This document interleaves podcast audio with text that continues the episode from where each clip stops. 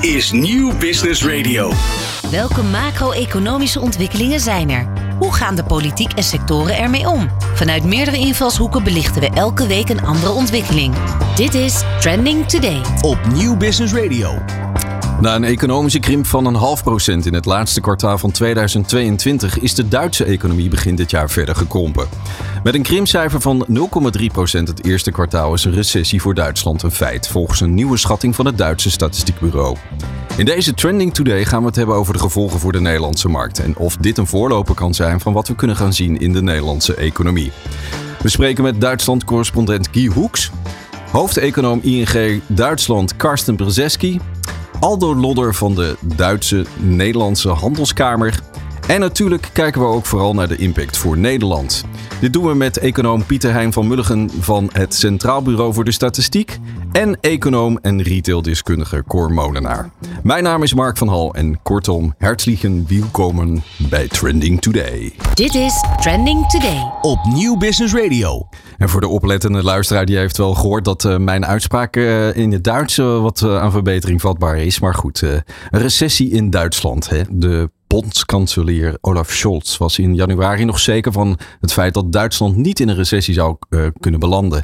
Maar ja, de, of de consumenten blijven last houden van de gestegen prijs in de winkels. Waardoor ze uiteindelijk de hand op de knip houden. En we duiken straks nog wat dieper in de economische situatie en de vooruitzichten. Maar eerst steken we de spreekwoordelijke thermometer in de Duitse samenleving. Aan de lijn hebben we Guy Hoeks, al enige tijd correspondent vanuit de Bondesrepubliek. Dag Guy, welkom in Trending Today. Hallo Mark, goedemiddag. Ja, Guy, goedemiddag. Je brengt al enige tijd verslag uit vanuit Duitsland. Een recessie in dat prachtige grote land. Is dat voelbaar? Een recessie uh, is, is hier uh, zeker, zeker wel voelbaar. Dat zie je ook in de straten. Er is wat, er is wat leegstand. Restaurants zijn verdwenen. Uh, maar mensen die blijven uiteindelijk wel hun, hun aankopen doen. Want ja, er moet natuurlijk ook wel gewoon gegeten worden. Dus in de drukke winkelstraten is het nog steeds wel druk. Maar je ziet op sommige plekken dus gewoon wel leegstand.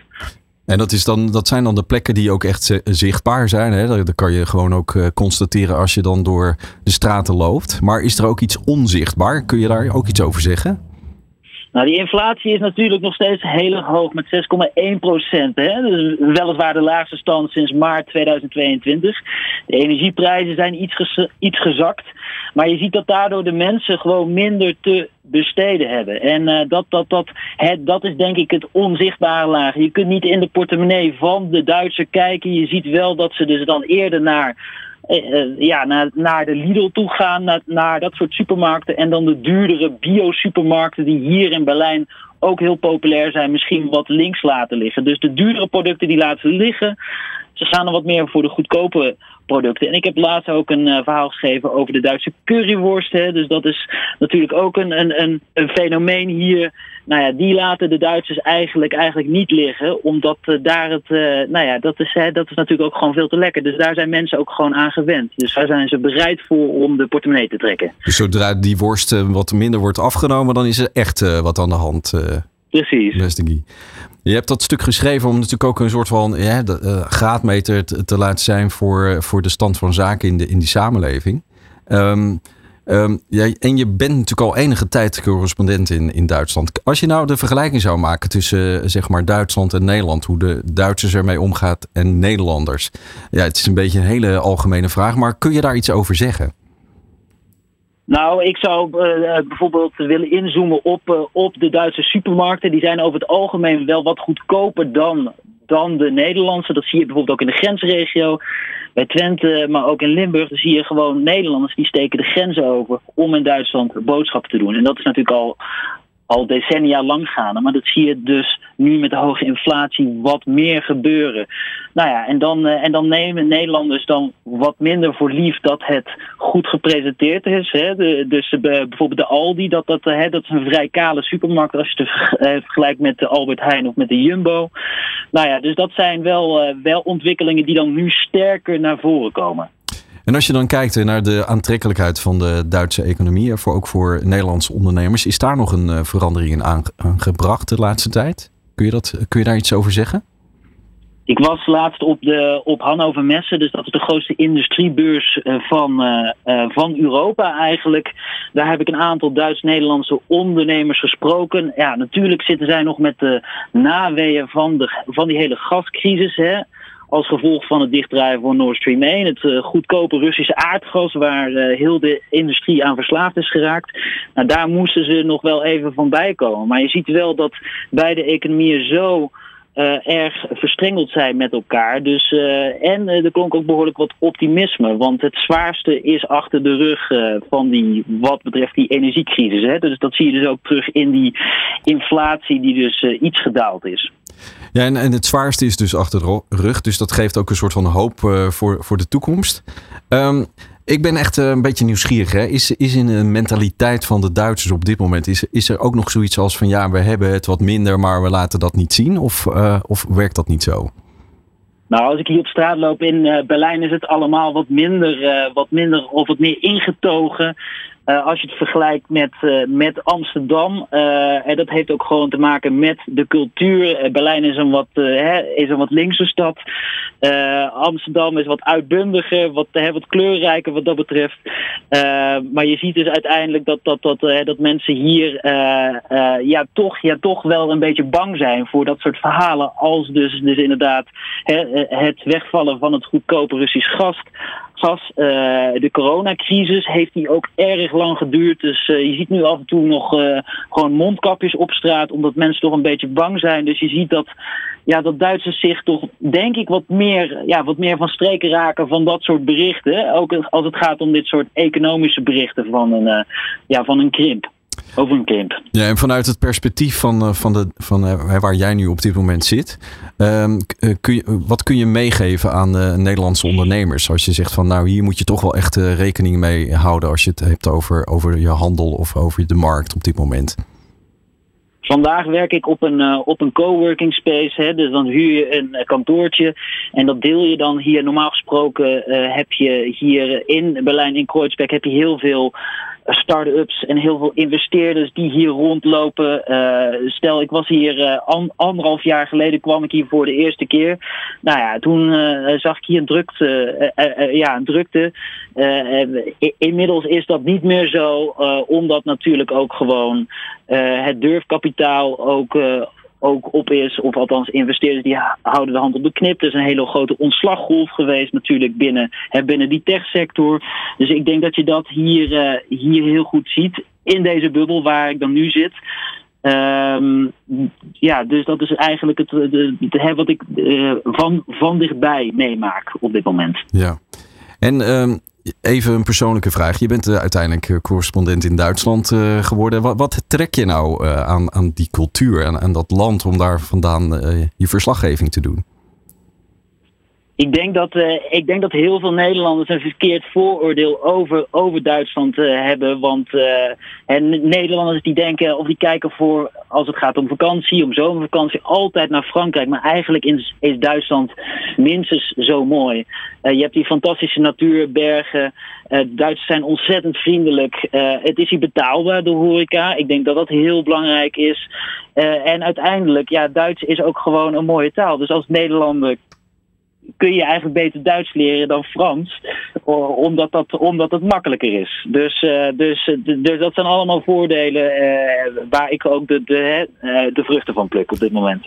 Mooi dat je dat even deelt. Dankjewel Guy voor je bijdrage. Dit is Trending Today op Nieuw Business Radio. Ja, trekt de Duitse recessie de Nederlandse economie mee? Ja, dat is een hele dramatische vraag. Maar oké, okay, laatste, het laatste kwartaal van vorig jaar en het eerste kwartaal van dit jaar wijzen aan dat er een krimp is in die uh, Duitse economie. Toch is er een soort van stijgende lijn van 0,5 naar 0,3 procent krimp. Een optimist zou vervolgens zeggen, nou dat gaat de goede kant op. We checken het bij ING-econoom Karsten Berzeski.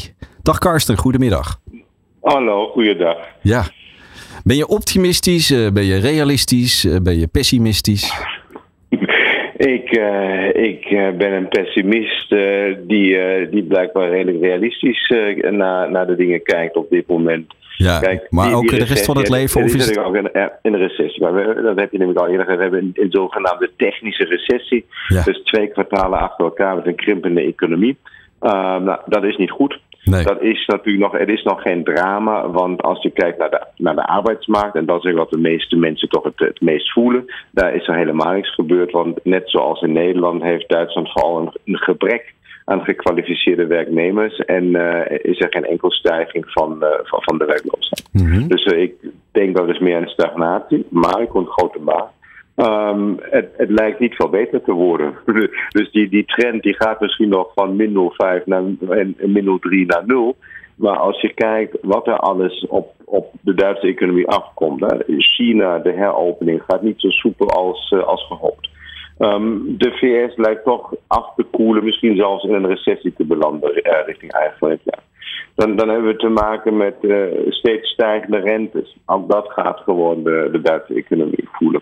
Dan heb je gewoon al die structurele uitdagingen die ook alle Europese landen hebben, maar Duitsland sterker dan de meeste andere. Energietransitie. Uh, en een einde van de globalisering zoals we die kenden. En vergrijzing. Dus dat zijn allemaal factoren waardoor ik denk: het is realistisch om te denken dat we nu een, een periode in zijn gegaan in Duitsland waar je niet meer gewoon het groeiwonder bent van Europa, maar een eerder stagnerende economie. En als die motor dan uh, langzaam maar zeker terugdraait en, en, uiteindelijk misschien straks uh, zeg je die 0%, dan heeft dat natuurlijk zijn uitwerking ook op de Nederlandse economie. Maar laten we ons even concentreren nog op de Duitse economie. Wat, wat wordt er tegenovergesteld? Ja, ja, we hebben natuurlijk geen wondermiddel, maar wat, wat vertel jij dan bijvoorbeeld tegen de mensen binnen jouw organisatie of misschien daarbuiten van hoe hiermee om te gaan? Nou goed, er staat nu wel tegenover dat er waarschijnlijk grote factoren of grote verschillen zullen zijn tussen sectoren. Mm -hmm. Ja, dus alle, alle sectoren die te maken hebben met de energietransitie, die zullen ook groeien. Um, sectoren die, die sterk energie-intensief zijn. Want wat we nu al de afgelopen jaren hebben gezien, nou, die, die komen onder, onder nog meer druk te staan. Um, sectoren die, zoals de automobielsector, die toch ook al langere tijd um, gewoon midden in grote structurele verandering van de wereldmarkt staan. Die zullen niet zo goed rijden de komende, de komende jaren. Dus je zult grote verschillen zien um, tussen sectoren binnen de economie. En daarmee ook hè, dus, verliezers, maar ook winnaars van, van, van zo'n stagnatie. Het, grootste probleem van stagnatie is, uh, je hebt natuurlijk ook een hele discussie over degrowth en, en hebben we wat groei nodig, want we hebben toch een, een redelijk goed uh, welvaartsniveau. Het punt is dat je, zeker in de vergaande economie, heb je een beetje groei nodig. Want er zijn beloftes gemaakt tussen generaties en die heten gewoon pensioenen. En, um, en als je gewoon niet meer gaat groeien als economie, dan wordt het lastiger om, uh, om pensioenen te betalen, om die, die intergenerationele beloftes waar te maken. De, de taart wordt niet meer groter. Um, en, en herverdelen wordt lastiger. Dus dat is wel het grootste probleem wat een stagnerende economie heeft. En, en hoe zie je dat dan bijvoorbeeld voor het uh, middenkader? Uh, meer de MKB-achtige bedrijven? Nou, die, die komen natuurlijk sowieso door, door het feit dat de, de globalisering onder druk is. Nu, dat de, de wereld eigenlijk verandert. Dat Duitsland ook um, sterk afhankelijk is van China. Um, zowel betreft de, de exporten als ook de importen. Nou, dus deze afhankelijkheid zal ook door politieke druk nu de komende jaren worden geprobeerd om die, om die te reduceren. En dat betekent gewoon ook druk op het MKB-leven. Het MKB moet zich dan heroriënteren, ja, bijvoorbeeld naar meer Oost-Europese landen te kijken. Um, alleen het MKB-leven of de sector in Duitsland is ook al, zoals veel, redelijk oud. Dus er zit ook een vergrijzingsprobleem. En de, en de vraag is of, um, of nog de bedrijven in staat zijn om nog een keertje door een nieuwe ronde van vernieuwing te gaan, zoals ze dat begin van de jaren 2000 deden. Want toen hadden we ook al een keertje The Economist met op het, uh, de titelpagina Duitsland de zieke man van Europa. Um, Duitsland was afgeschreven, maar vooral met dank aan het MKB-leven heeft Duitsland zich kunnen vernieuwen. Um, en, en de vraag is nu, gaat dat ook lukken of niet? En uh, daarvoor is mijn, mijn glazen bol niet goed genoeg om dat echt uh, overtuigend te kunnen voorspellen. Ja. Kijk, we hebben allemaal niet echt een, een bol. Maar als je het hebt over. je zegt eigenlijk in het begin van het gesprek. Hè, die arbeidsmarkt, daar, gaat het, hè, daar is, is het nog niet merkbaar. Er is tekort aan goed gekwalificeerd personeel. Um, maar ik kan me wel voorstellen dat als mensen te horen krijgen of dat gaan voelen dat er een recessie is, hè, technisch, dat, dat er daar dan ook een soort van onrust ontstaat. Of een soort van, hé, hey, wat moet dat nou voor de toekomst? Hoe, hoe voel jij dat? Hoe zie jij dat? Ja, die, die, die, die onrust is er nu nog niet, maar die gaat, uh, gaat toenemen. En dat is dan eigenlijk een beetje een soort van tegenbeweging um, tegen de ook de, de, de looneisen die we op dit moment hebben. Dus je zult op een gegeven moment zo'n zo'n zo'n keerpunt zien. Ook in de arbeidsmarkt. Maar op dit moment hebben gewoon mensen hebben gewoon heel veel um, baanzekerheid. Um, we hadden gewoon een enorm verlies aan, aan, aan, aan koopkracht. En uh, vandaar dat je nu ziet hè, dat ook, de, net zoals in Nederland, uh, dus sterkere of hogere looneisen zijn gekomen. Um, en de loongroei duidelijk toeneemt.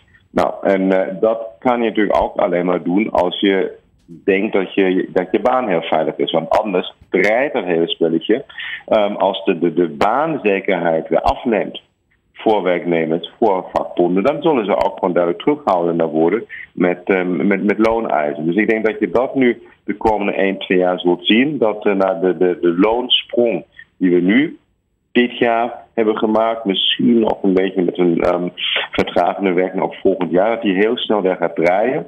Naar dat het belangrijker is voor vakbonden om voor baanzekerheid te gaan dan voor hogere lonen.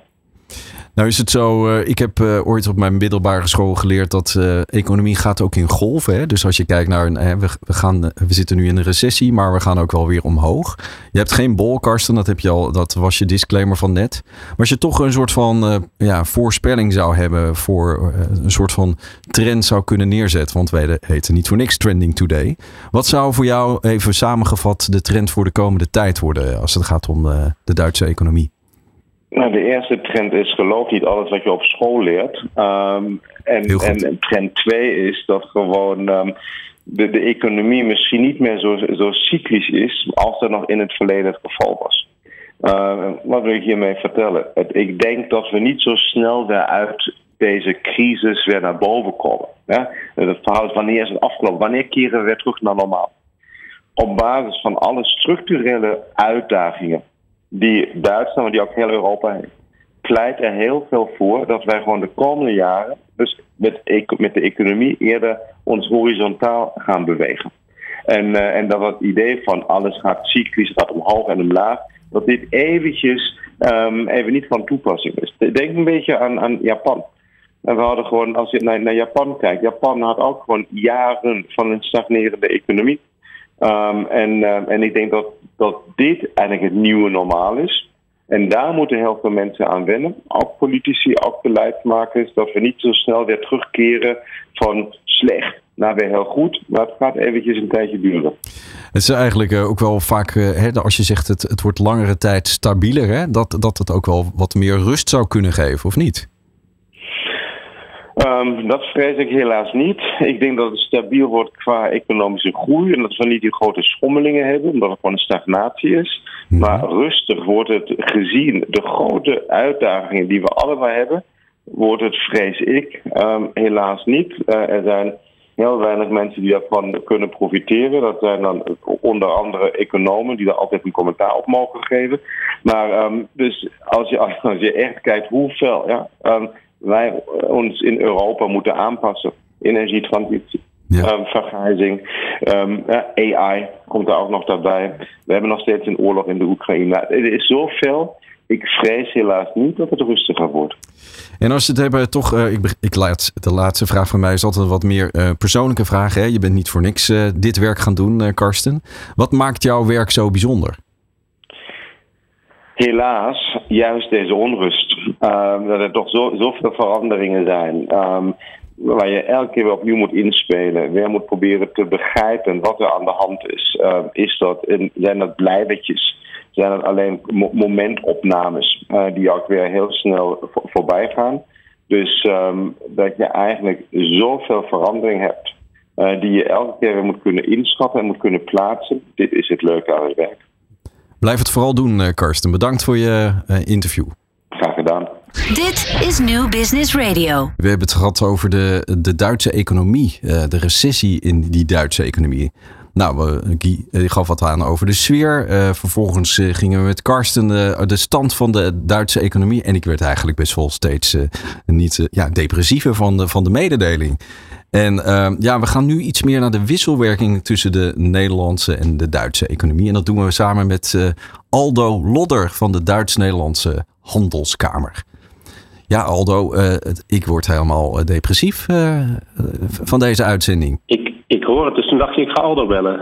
Ja, want anders kom ik er niet uit. Nou ja, dat hoop ik. want als ik een beetje kijk naar wat jullie vertellen, dan, dan is het een heel mooi verhaal over hoe die betrekkingen zijn. En jullie geven op, op jullie website ook heel veel informatie over hoe staat dat nou? Hè? Wat, wat is nou uiteindelijk de economie van Nederland, maar ook vooral natuurlijk van, van Duitsland? Maar ja. nee, ik wil toch even van jou horen van hoe moet ik hier nou mee omgaan met deze informatie? Heb je daar een soort van korte stelling voor, voor mij, uh, Aldo. Ja, Nee, en daar wil ik ook zeker wel serieus op reageren. Want we moeten natuurlijk niet weglachen als er een uh, fase is uh, waarin handel stagneert of, of terugloopt. Hè. Dus, de, dus de algemene cijfers die je gehoord hebt op het ING, ja, dat kan natuurlijk alleen maar onderschrijven. Wel zie je dat Nederland en Duitsland zo sterk met elkaar economisch verbonden zijn. Dat je ze bijna als één, economisch als één gebied kunt zien. En uh, ja, daar zien we dat de handelsrelatie al jarenlang groeiende is, heel sterk is. Uh, omdat er natuurlijk ook bepaalde invloeden vanuit uh, daar minder mee te maken hebben. Het simpelweg erover gaat dat Nederlandse ondernemers in Duitsland heel veel doen en Duitse ondernemers in Nederland heel veel doen. Um, en dat maakt ook dat wij als, uh, als handelskamer simpelweg uh, ja, steeds meer bedrijven begeleiden, steeds meer handelsmissies ook organiseren. Maar dat neemt niet weg dat, uh, ja, wat je al eerder besproken hebt, dat er natuurlijk wel een aantal zorgen zijn over, over de economie. Dat, dat ja, kun je, kun je misschien als je het hebt over de omvang hè, van de relatie. Eh, kijk, Duitsland is eigenlijk Nederlands grootste handelspartner. Hè, 25% van de uitvoer. En Nederland is uh, dan uiteindelijk Duitslands op één na grootste handelspartner. Dat is eigenlijk de verhouding die we hebben. Dat bedoel je ook met die. Maar eigenlijk zijn, we, zijn we een soort van verstrengeld met elkaar.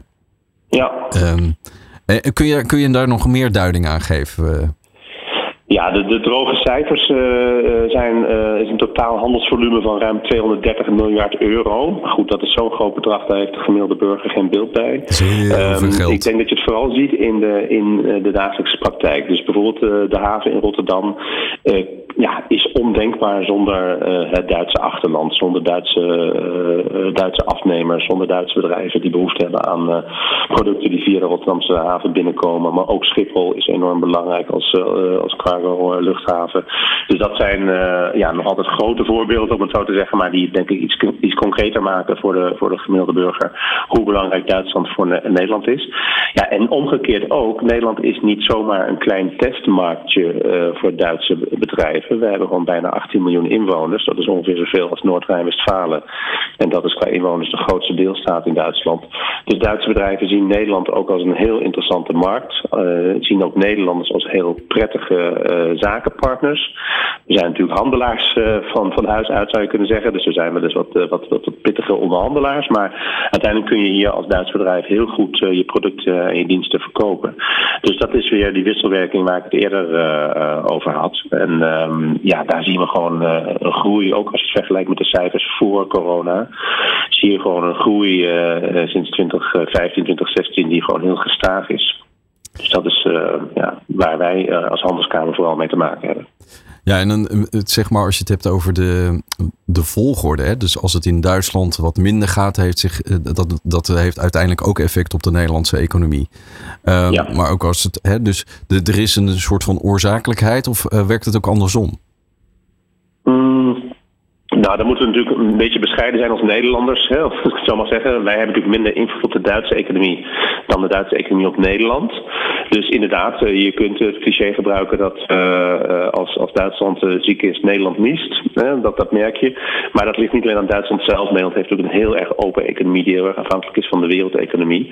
we maken, we drijven handel met meer landen dan alleen Duitsland. Maar je noemde het al, 25% van de export gaat naar Duitsland. Dus het is ook in ons belang dat Duitsland gezond is, economisch, wat betreft koopkracht. Ehm, maar ook bijvoorbeeld gericht op innovatie. Hè, dat ook Duitsers en Duitse bedrijven openstaan voor, voor innovaties.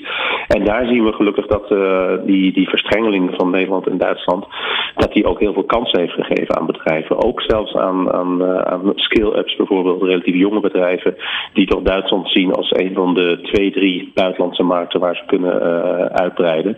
En ik denk dat dat ook ervoor gezorgd heeft de afgelopen jaren dat los van de traditionele branches, hè, zoals logistiek en chemie en high-tech, dat er ook andere branches zijn uh, die ervoor zorgen dat uh, de Duits-Nederlandse handel uh, blijft groeien. Dat betekent niet dat het vanzelf gaat. Dus het blijft belangrijk dat bedrijven elkaar ontmoeten, inspiratie opdoen in het buurland. dat handelsbelemmeringen die er nog zijn, dat zijn er niet zo heel erg veel, maar dat die wel worden weggenomen. Um, dat, dat blijft wel belangrijk. Maar je ziet nogmaals, men weet de weg naar elkaar letterlijk en figuurlijk goed te vinden. Um, ja, en zeker voor Nederland enorm belangrijk. Want je moet niet aan denken dat er natuurlijk een, een, een teruggang in de economie echt structureel zou zijn. Dat zou natuurlijk voor de Nederlandse economie niet gunstig zijn. We hoorden net uh, wel dat het de waarschijnlijk is uh, dat de stabiliteit van die economie wel uh, zal blijven. Hè? Dat het ongeveer deze situatie misschien naar het nulpunt. Um, ja. Dus dat is dan het pessimistisch-realistische beeld dat werd geschetst eerder deze uitzending. Je had het ook over de patiënt. Hè? En dat als de patiënt uh, Duitsland ziek is, dan niest uh, Nederland. Maar um, je gaf ook net ook al aan van de, er worden natuurlijk ook wel dingen gedaan om, om verbetering aan te brengen. Wat is, ja. wat is jullie rol daarin? Nou, wij begeleiden bedrijven, zoals dat mooi heet, individueel en, en collectief. He, dus individueel, dat is op zich vrij eenvoudig. Bedrijven willen in het buurland uh, meer klanten uh, vinden, meer klanten kunnen bedienen. Dus die bedrijven begeleiden wij. Dus niet alleen van Duitsland naar Nederland, maar ook van Nederland naar Duitsland.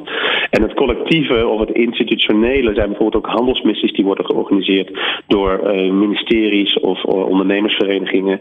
En daar zien we eigenlijk al meteen na de opening na corona, zou je kunnen zeggen, enorm enorme toename aan zeker inkomende handelsmissies van Duitsland naar Nederland. Uh, bijvoorbeeld op het gebied van uh, de, de, de, moderne uh, energiemiddelen die er zijn. Hè. Dus waterstof is een heel populair onderwerp. Maar we hebben vorig jaar ook een grote handelsmissie gehad op het gebied van games en apps. Um, waar we ook heel veel, heel veel matchmakinggesprekken hebben georganiseerd tussen Nederlandse en Duitse, Duitse bedrijven.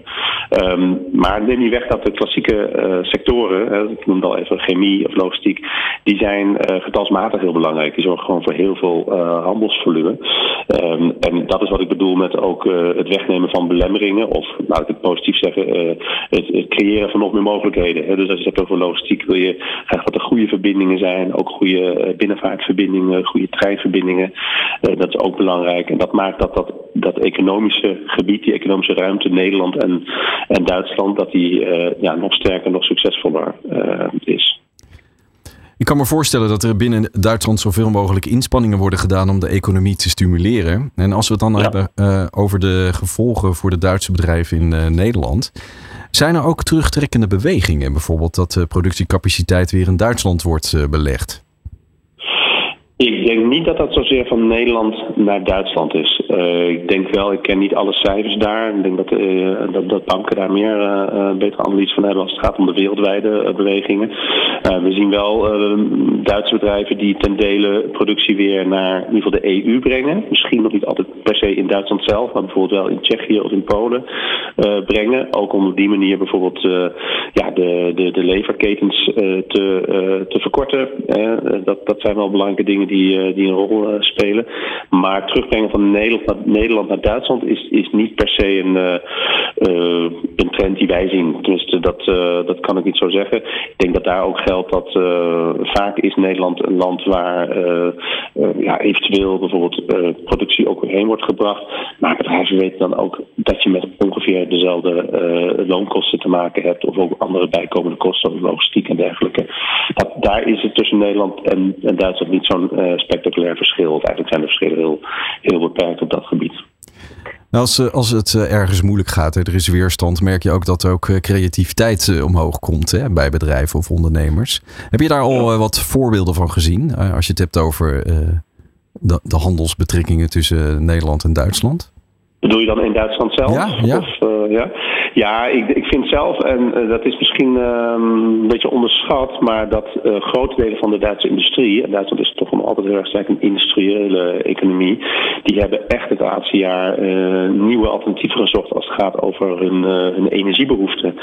Duitsland had een naar verhouding grote afhankelijkheid van gas en olie, en, en ook uit Rusland. En je ziet nu bijvoorbeeld op het gebied van LNG, of LNG of uh, waterstof, zie je echt ook grote MKB-bedrijven en zeker de grote concerns um, kijken als, als, als nieuwe uh, energiebron. Dus daar vind ik zeker dat, het, uh, dat Duitsland ook samen met Nederland een, een trend zet, zou je kunnen zeggen. Um, ik vind ook dat de digitalisering in Duitsland binnen het bedrijfsleven echt een enorme vaart heeft gekregen. door natuurlijk de pandemie, ook door het thuiswerken bijvoorbeeld. We zien nog wel dat het wat achterblijft uh, in het onderwijs en, uh, en, bij overheden. Maar in het bedrijfsleven is dat echt, uh, ja, ik durf wel te zeggen, een wereld van verschil. Als je dat vergelijkt tussen 2019 en nu anno 2023. Dus daar ben ik wel heel positief over. En verder slaagt Duitsland erin om toch vrij veel durfkapitaal, zeker ook uit Amerika, te krijgen als het gaat om start-ups en scale-ups. Dus zeker steden als Berlijn en, en München zijn, zijn heel succesvol in het aantrekken van ook buitenlandse bedrijven om daar te starten. Ook zelfs de brexit heeft ervoor gezorgd dat veel bedrijven uit Groot-Brittannië bijvoorbeeld naar Duitsland zijn gegaan. Dus daar zie ik echt wel een, een, een duidelijke ja, trend ook. En ook een, een, kracht, misschien een nieuwe kracht die ook de Duitse economie kan, kan versterken. Maar goed, dat doet niks af aan de, de kritische opmerkingen die er eerder dit programma zijn geweest over nou, de zaken die de Duitse economie ja, soms laten stagneren. Maar wij zien als handelskamer nogmaals ook echt heel veel goede initiatieven. En ja, daar zijn natuurlijk dan ook projecten bij om dat ja, te begeleiden of daarin een rol te spelen. Ja, en als het aan jou ligt, gaat die energie alleen maar door. Hè? Volgens mij zet jij je beste beentje ervoor om, om die handelsbetrekkingen zo goed mogelijk te laten zijn. Wat staat er voor jou op de agenda de komende tijd? Wat, wat vind jij een belangrijk aandachtspunt?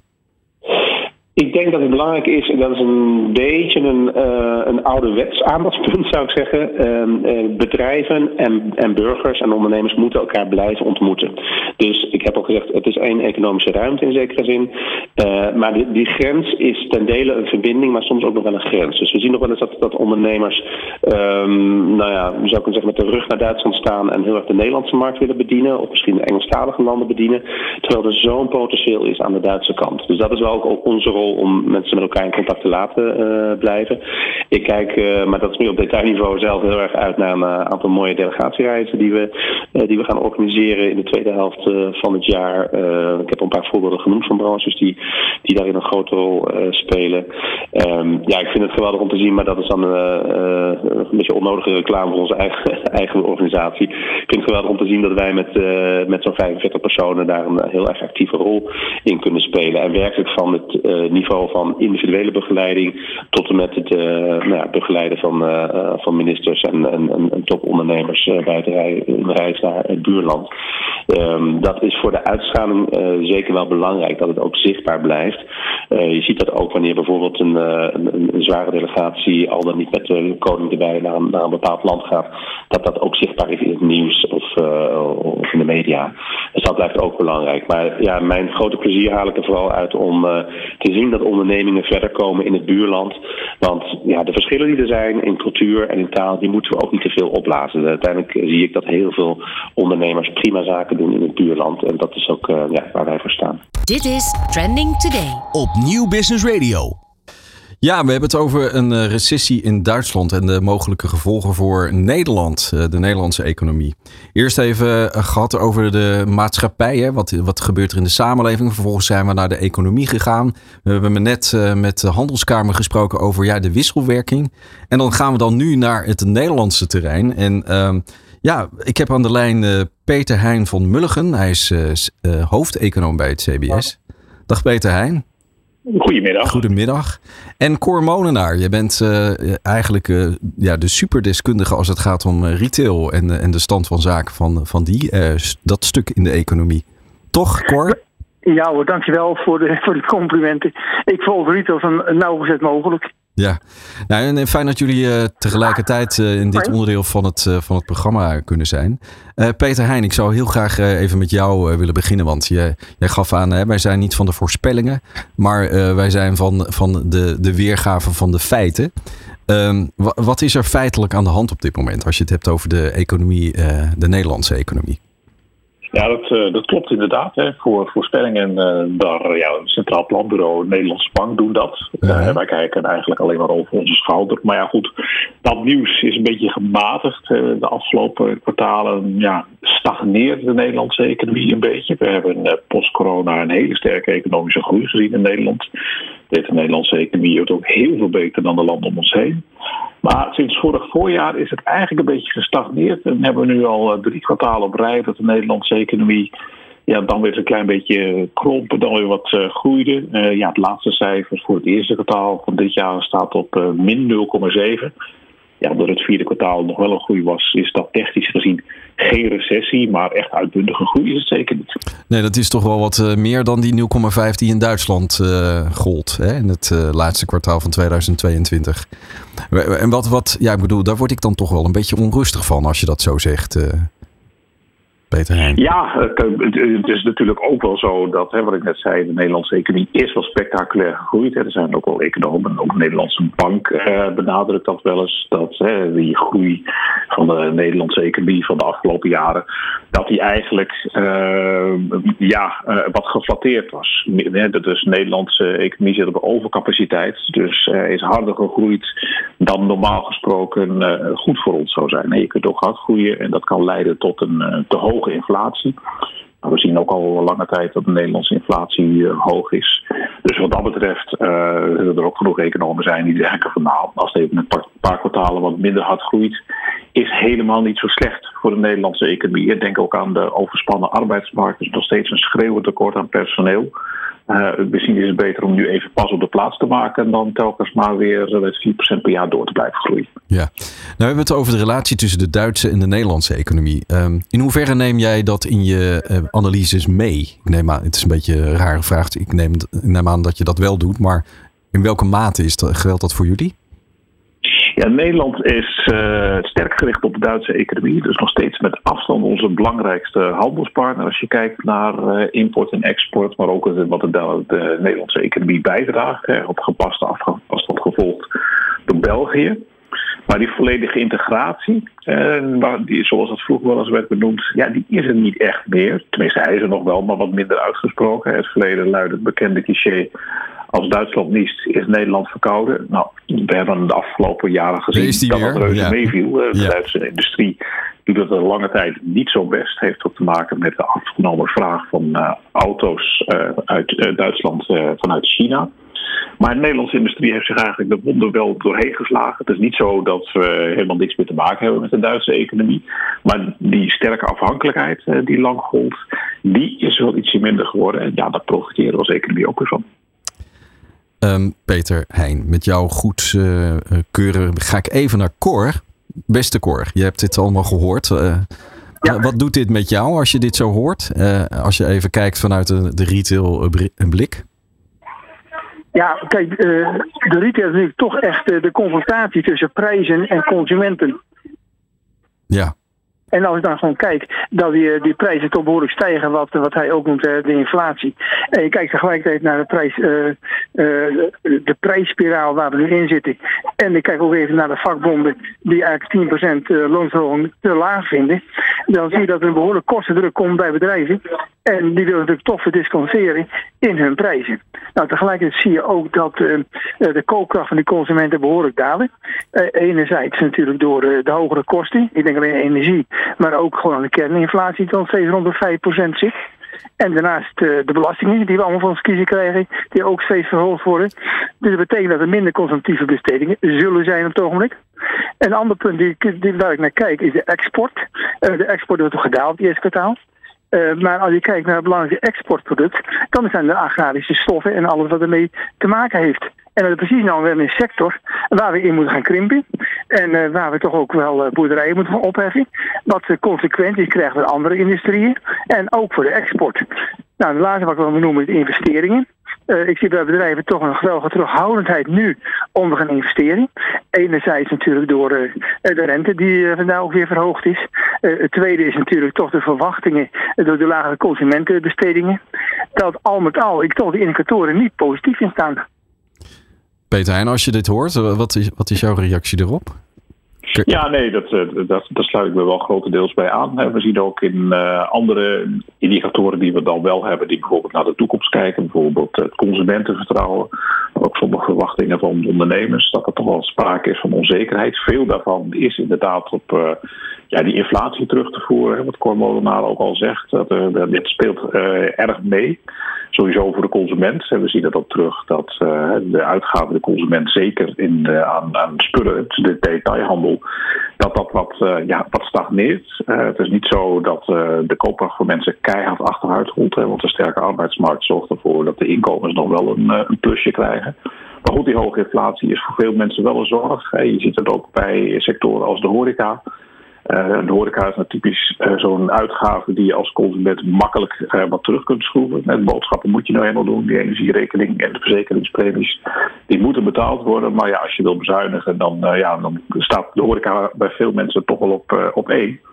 Ja, en dat zorgt ook dat er in die branche toch ook wel wat zorgen zijn. Dat ondernemers het moeilijk vinden om kostenstijgingen helemaal door te breken. Want ja, ze willen de klant niet wegjagen. Maar goed, dat zet hun, uh, ja, hun, hun verdienvermogen ook wel onder druk. En ja, dat helpt ook niet bij de economische vooruitzichten. Over druk gesproken, Peter Heijn. Als je het hebt over uh, jullie instituut, hè, jullie analyseren natuurlijk alle cijfers. Is de druk ook niet te hoog om, om zo, zo dicht mogelijk op die bal te, te blijven? Om maar zo snel mogelijk de, ja, de analyses te krijgen, zodat er eventueel bij kan worden gestuurd? Nou ja, kijk, we hebben een uh, heel vast uh, publicatiecyclus. Uh, dus we zeggen altijd van nou, die cijfers komen dan en dan. maar goed, ik snap ook wel, sommige mensen vinden dat soms wat te laat. Maar ja, het is natuurlijk ook zo. We analyseren de hele Nederlandse economie en wordt voor ons verwacht dat het cijfer publiceren dat echt zo goed mogelijk is. dus wat dat betreft staan we vaak op het standpunt liever iets langzamer, maar wel goed dan snel en achteraf, oh nee, dat is toch niet, dat, uh, dat klopt toch niet. En dus eh, betekent het ook als ik je nou de vraag stel van hoe staat het nu met de inflatie in Nederland, dat je daar niet meteen een antwoord op kunt geven? Nou, dat, die cijfers zijn gelukkig vrij recent. Uh, het meest recente cijfer is dan van, uh, van mei. Ja, in mei liep de inflatie toch weer wat op meer dan 6 procent. En ja, dan opnieuw, uh, het zijn ook toch echt de prijzen in de detailhandel die hoog zijn. Het heeft ook alles te maken met de kostenstijging die ondernemers daarin uh, ja, te maken krijgen. Dus het zijn echt uh, de prijzen van de dagelijkse boodschappen. Denk aan voedingsmiddelen, maar ook allerlei andere producten die je overal koopt. Ja, die stijgen hard in prijs. De energieprijzen, dat valt nu wel weer mee. Maar ja, die hoge energieprijzen van vorig jaar, die zien we nu nog steeds doorwerken in de, de prijzen van allerlei andere goederen en diensten, ja, dat zorgt dat die inflatie op dit moment nog steeds behoorlijk hoog is. Cor, je hoort het. Omdat er toch een grote druk is uit de vakbeweging om die salarissen te gaan verhogen. En uh, als je dan leest van meer dan 10%, ja, dat wordt toch doorberekend op een of andere manier. En tegelijkertijd zie je ook de investeringen toch onder druk staan door de hogere rentestanden en door ja, het consumentenvertrouwen, wat je net zelf ook zegt. Dat ik toch uh, denk dat er alle maatregelen genomen worden nu het toch zorgwekkend is. Ook als je de belastingdruk gaat stijgen op allerlei manieren. Ja, dat heeft allemaal wel prioriteit voordat men echt kan gaan uitgeven. En dan zie je dat inderdaad uh, de consument toch de hand op de knip houdt. Uh, nu geef je aan, hè, wat het, wat, we geven aan wat het probleem is en wat ook de ja. uitdaging is. Zie jij nog uh, perspectief? Of wat, wat, wat, vertel je ondernemers die naar je toe komen van ja, Cor, hoe gaan we hiermee om? Wat, wat, wat is jou dan jouw antwoord als je dat zou kunnen geven? Nou, het eerste waar je natuurlijk meteen aan denkt is uh, kijken hoe je dichter bij klanten kunt komen. -hmm. En uh, veel meer inspelen op de wens van klanten. Kijk ook naar je businessmodel. Want het is vaak een verouderd businessmodel. Als ik nu lees dat alles heen bijvoorbeeld 1 miljard euro maakt dit jaar. Uh, door advertenties aan te bieden aan fabrikanten en door data te gaan uh, verkopen en in te zetten, is er dus 1 miljard waar geen personeel tegenover staat en die wel bijdraagt tot de, de rentabiliteit van een Albert Heijn. En een derde punt, en daar kun je niet omheen denk ik ook, is artificial intelligence. Dus gewoon te kijken wat dit voor jouw bedrijf kan gaan betekenen. En uh, of het inderdaad leidt tot een stukje efficiëntie of de kwaliteitsverbetering. Maar omarm alle nieuwe ontwikkelingen die er zijn. En blijf niet in een oude structuur zitten of in een oud model zitten. Ja, en in het, dat oude model zou ook zeg maar kunnen zijn dat je gaat mopperen of, of misschien al dan niet terecht hè, over alles wat je overkomt. Hè? Dat doe je ja, maar, ja, ja, maar je geeft een aantal... Ik allemaal mopperen natuurlijk. Nee, nee, nee, maar... maar dat lost niet op. Mensen moeten toch gaan kijken. Ja jongens, dit is nu eenmaal zo. Ik kan het niet veranderen, maar wat kan ik dan wel doen? En hoe kan ik mijn bedrijf wel rendabel maken? En hoe kan mijn klanten wel helpen? En ik denk dat we juist de insteek moet zijn. Een beetje optimisme. Of, of, of, of het toch kordaat aanpakken van allerlei activiteiten. Eh, daar ontbreekt het wel eens vaak aan bij bedrijven. Omdat ze toch een beetje vasthouden aan beurskoersen. Of een oude winstgevendheid. Maar ja, de markt verandert wel. Hè, en de uitdagingen van de toekomst, die zijn er ook. Maar er zijn ook oplossingen denkbaar. Ja, je gaf vooral een aantal ontwikkelingen aan, maar welke oplossingen uh, zie jij uh, dan? Nou, wat ik net zei, hè, eerst kijken naar je klant en ook hoe je op een andere manier ook geld uh, kunt gaan maken. Uh, het voorbeeld van Albert Heijn, die gewoon 1 miljard uh, uit de markt haalt door advertenties en door data te gaan gebruiken, is natuurlijk een heel mooi voorbeeld van. Dat is dan los van, van de verkoop van producten en diensten. Ook als bedrijf meer gaan kijken of je misschien extra service kunt doen waar de klant bereid is voor te gaan betalen. Ook dat het los van eventuele loonkosten. je moet eigenlijk af van het transactiemodel, het klassieke verkoopmodel, verkoop met inkoop en winst. Je moet kijken of je door ander model kunt, kunt doen. We zien bijvoorbeeld abonnementsmodellen die nog steeds heel populair zijn bij consumenten. Misschien moet je daar naar gaan kijken als bedrijf zijnde. We gaan elkaar niet uh, ziek praten, dat uh, doen we niet in deze uitzending. Maar we hebben wel even een uh, probleem duidelijk geschetst dat dat wat in Duitsland gebeurt, ja, zijn uitwerking heeft op de Nederlandse economie. Hè? Dat gaat natuurlijk ook verder dan alleen maar de, de relatie tussen Duitsland en Nederland, maar het is een, een veel groter uitdaging. Peter Heijn, wat is jouw boodschap? Wat, wat zou jij de luisteraars en met name de ondernemers willen zeggen? Als, je kan niet vooruit kijken, maar je hebt vast wel een mooie stelling met ons te delen vanuit jouw Anne observatie? Ja, ik vond de observatie die Cor maakte al heel goed. Hè, want ik denk dat één probleem, behalve inflatie voor Nederlandse ondernemers, toch ook op de arbeidsmarkt zit. Het te groot tekort aan personeel. Als wij in onze enquêtes aan ondernemers vragen van nou, uh, wat zijn eigenlijk uh, de, de, zaken waar je het meest last van hebt op dit moment? Dan zegt één op de drie ondernemers gewoon: ja, ik kan geen personeel vinden. En uh, ja, de Nederlandse bedrijven, niet alleen in Nederland, overal ter wereld, zijn eigenlijk jarenlang gewend geraakt aan het feit dat personeel eigenlijk altijd wel te vinden was. En ook niet al te duur hoefde te zijn. Desnoods kon je ook gebruik maken van arbeidsmigranten. Dus wat dat betreft was er weinig directe noodzaak om in te zetten op innovatie. Uh, of het nou artificial intelligence is of andere manieren van uh, ja, het innoveren in je bedrijf om productiever te worden. Ja, die krappe arbeidsmarkt die maakt nu heel duidelijk dat we wat dat betreft echt in een andere wereld leven. Het feit dat de Nederlandse bevolking, bevolking in een hoog tempo aan het vergrijzen is, maakt dat alleen maar urgenter. Dus ik zou zeggen van uh, probeer zoveel mogelijk in die automatisering te investeren. In doe wat je kunt aan uh, arbeidsbesparende technologieën. Dankjewel uh, Peter Heijn. En Cor? Ik sluit me daarbij aan. Nou. Ik vind het, kijk, hij sluit ook aan bij alle suggesties die ik gedaan heb. ga eens een keer met de voet op tafel zitten en eens nadenken wat je nu wel kan doen en wat nu anders is. Dus innoveer in vergelijking met wat je vroeger deed en heb het weg om te veranderen. Nou, prachtig uh, deze soort, dit samenspel. Hè? Dat, zo komt alles weer bij elkaar in Trending Today. Dag uh, heren, bedankt voor jullie bijdrage.